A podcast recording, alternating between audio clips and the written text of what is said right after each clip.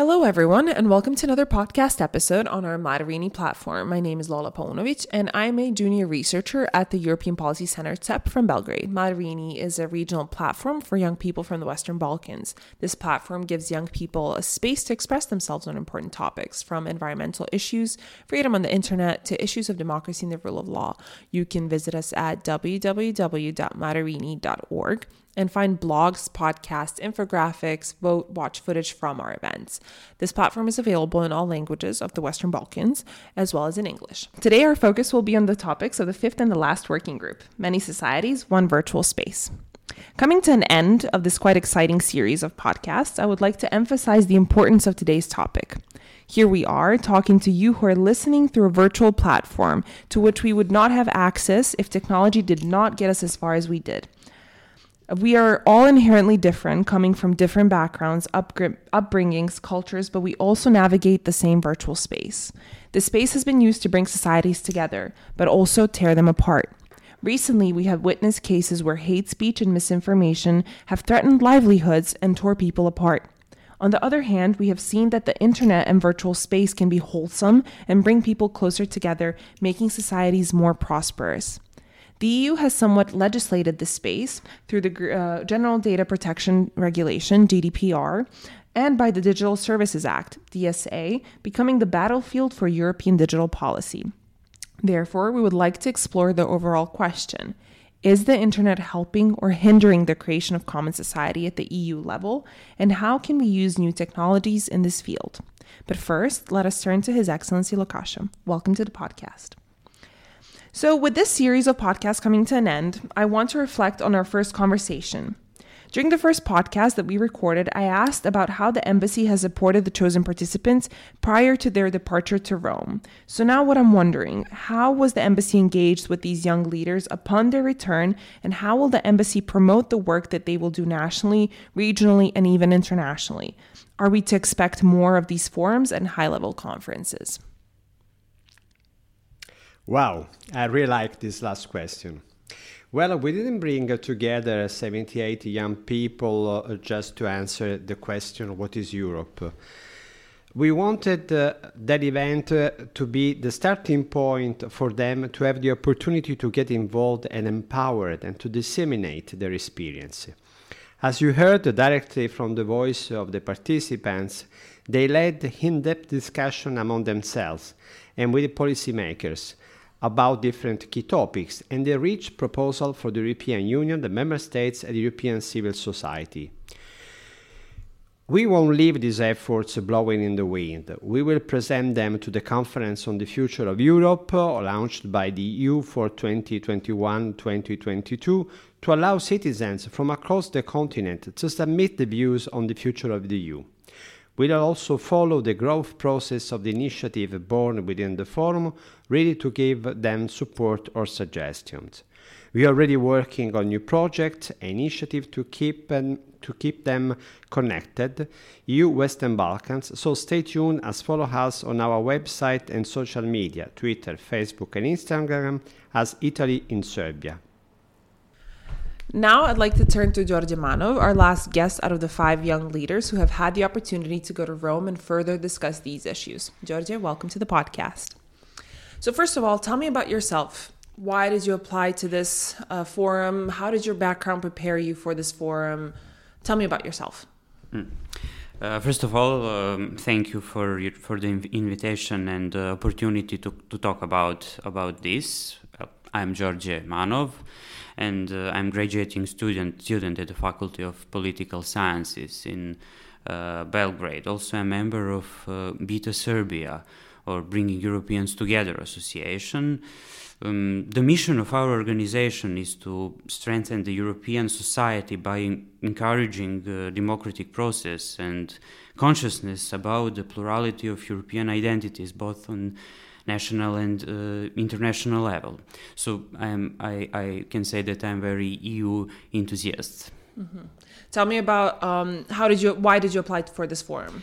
Well, uh, when I saw the invitation for participation on the forum, I was uh, really happy that uh, there is such an initiative that uh, will bring together young people from the Western Balkans and, uh, and the EU with the task to finding the problems that bother us all, uh, but also to finding solutions for them.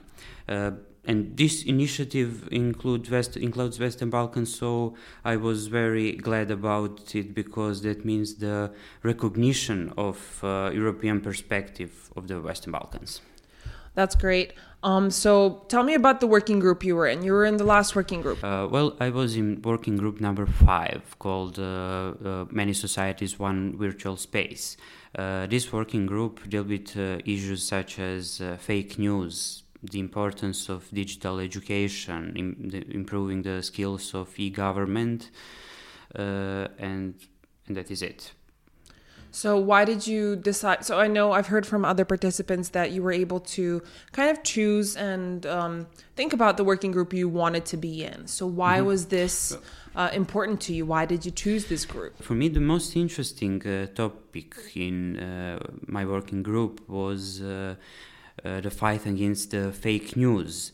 Um, this I, I, think that uh, this uh, this problem is bothering us all, especially now in time of coronavirus crisis uh, and um, other crises uh, that negatively uh, affect our lives.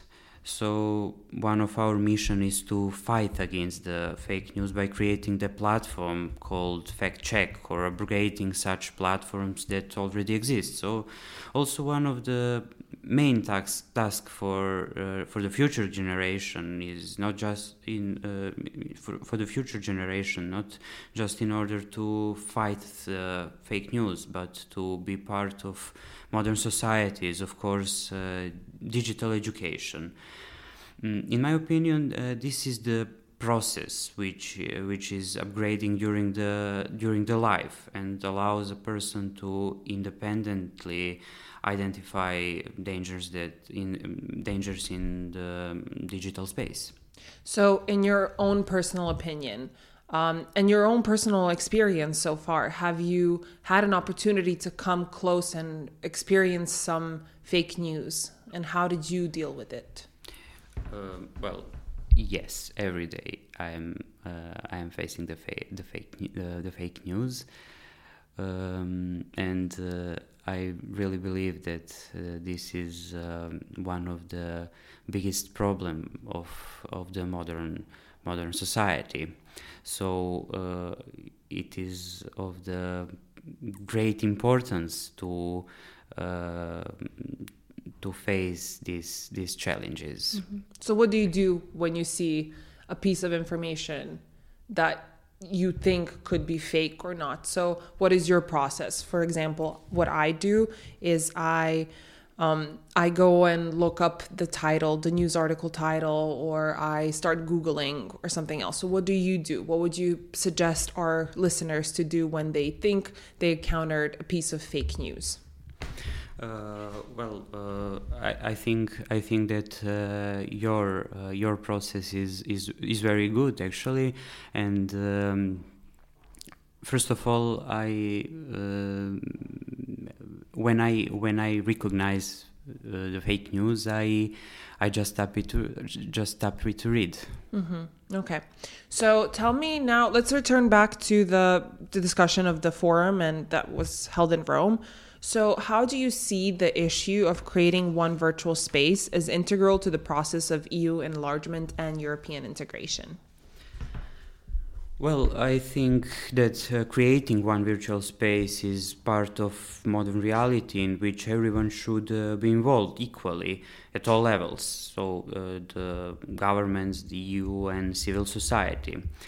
And in building digital infrastructure, safety, resilience, and social impact on uh, communication should be prioritized. And uh, in promoting these values, youth plays an important role. Uh, and as I said, uh, digitalization is a very important process which requires continuous uh, improvement we all see the importance of this process of uh, creating and improving digital space from everyday life. Uh, today, we are able to do our daily tasks via our computers. Um, uh, att- uh, attending uh, online lectures, use e-government services, etc. Uh, all all this has consequences for the uh, all this has uh, consequences for the ad, uh, advancement of the EU, but also for the process of enlargement. For the EU, by making life easier for its citizens and for the enlargement process, it is important to take into account uh, the values of modern European society in building this, in building the digital space. Um, so I believe that building democracy and virtual space are very, very related processes. So how did you? So you were in this working group with other um, youth um, leaders and representatives from the Western Balkans, but you were there as well with other youth leaders and representatives from the EU. So tell me more about working together with them. Was it easy to come to conclusions and solutions, or was it hard to identify common issues? Uh, as you said, uh, in my working group, uh, there were there were people from the EU and from the Western Balkans. So we talked about very interesting and important topics, uh, and I must say that it was without any tension tensions, and uh, there there were some great and uh, smart people, and it was pleasure to meet them and to work with them.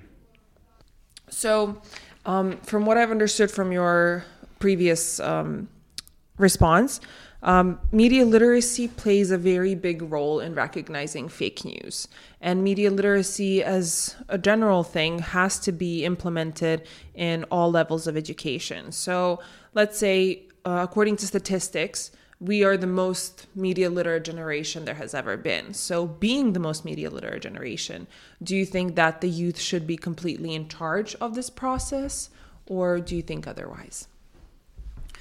Uh, first of all, I agree with the statement that young people are the most uh, media literate generation, but I believe, uh, as I mentioned, that it is not enough because new technologies are uh, constantly changing and improving. Uh, therefore, this must be seen as a process. I believe that uh, youth should be able to uh, recognize all the dangers that come from the digital space and to resist them. These dangers are multiple, from fake news to cyberbullying, and this should be the main task of this process. Yes, uh, uh, you should be in charge of this process, and decision makers should uh, have in mind uh, their opinion, needs, and of course, knowledge um, when they work on these issues. Okay, so you were, but at the end of your working group, you had the opportunity to come in front um, some very important stakeholders. So the Minister of Foreign Affairs, the um, Vice President Šuica, let's say, um, and you were able to express your views and your conclusions from your working group. How did that feel? Did you feel heard? Um, did you, uh, was it, how was it? Well, first of all, uh, I must say that uh, debates were very constructive, and uh, at the end, we finally reached the conclusions we presented to Minister Di Maio and uh, Vice President Dubravka Šuica.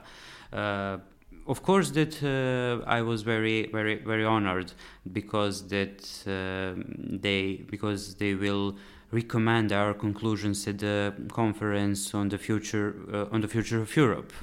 Mm-hmm. So what now? You came back from Rome. What is happening? What has been happening with your working group, with other working groups? How are you bringing the conclusions to the wider public?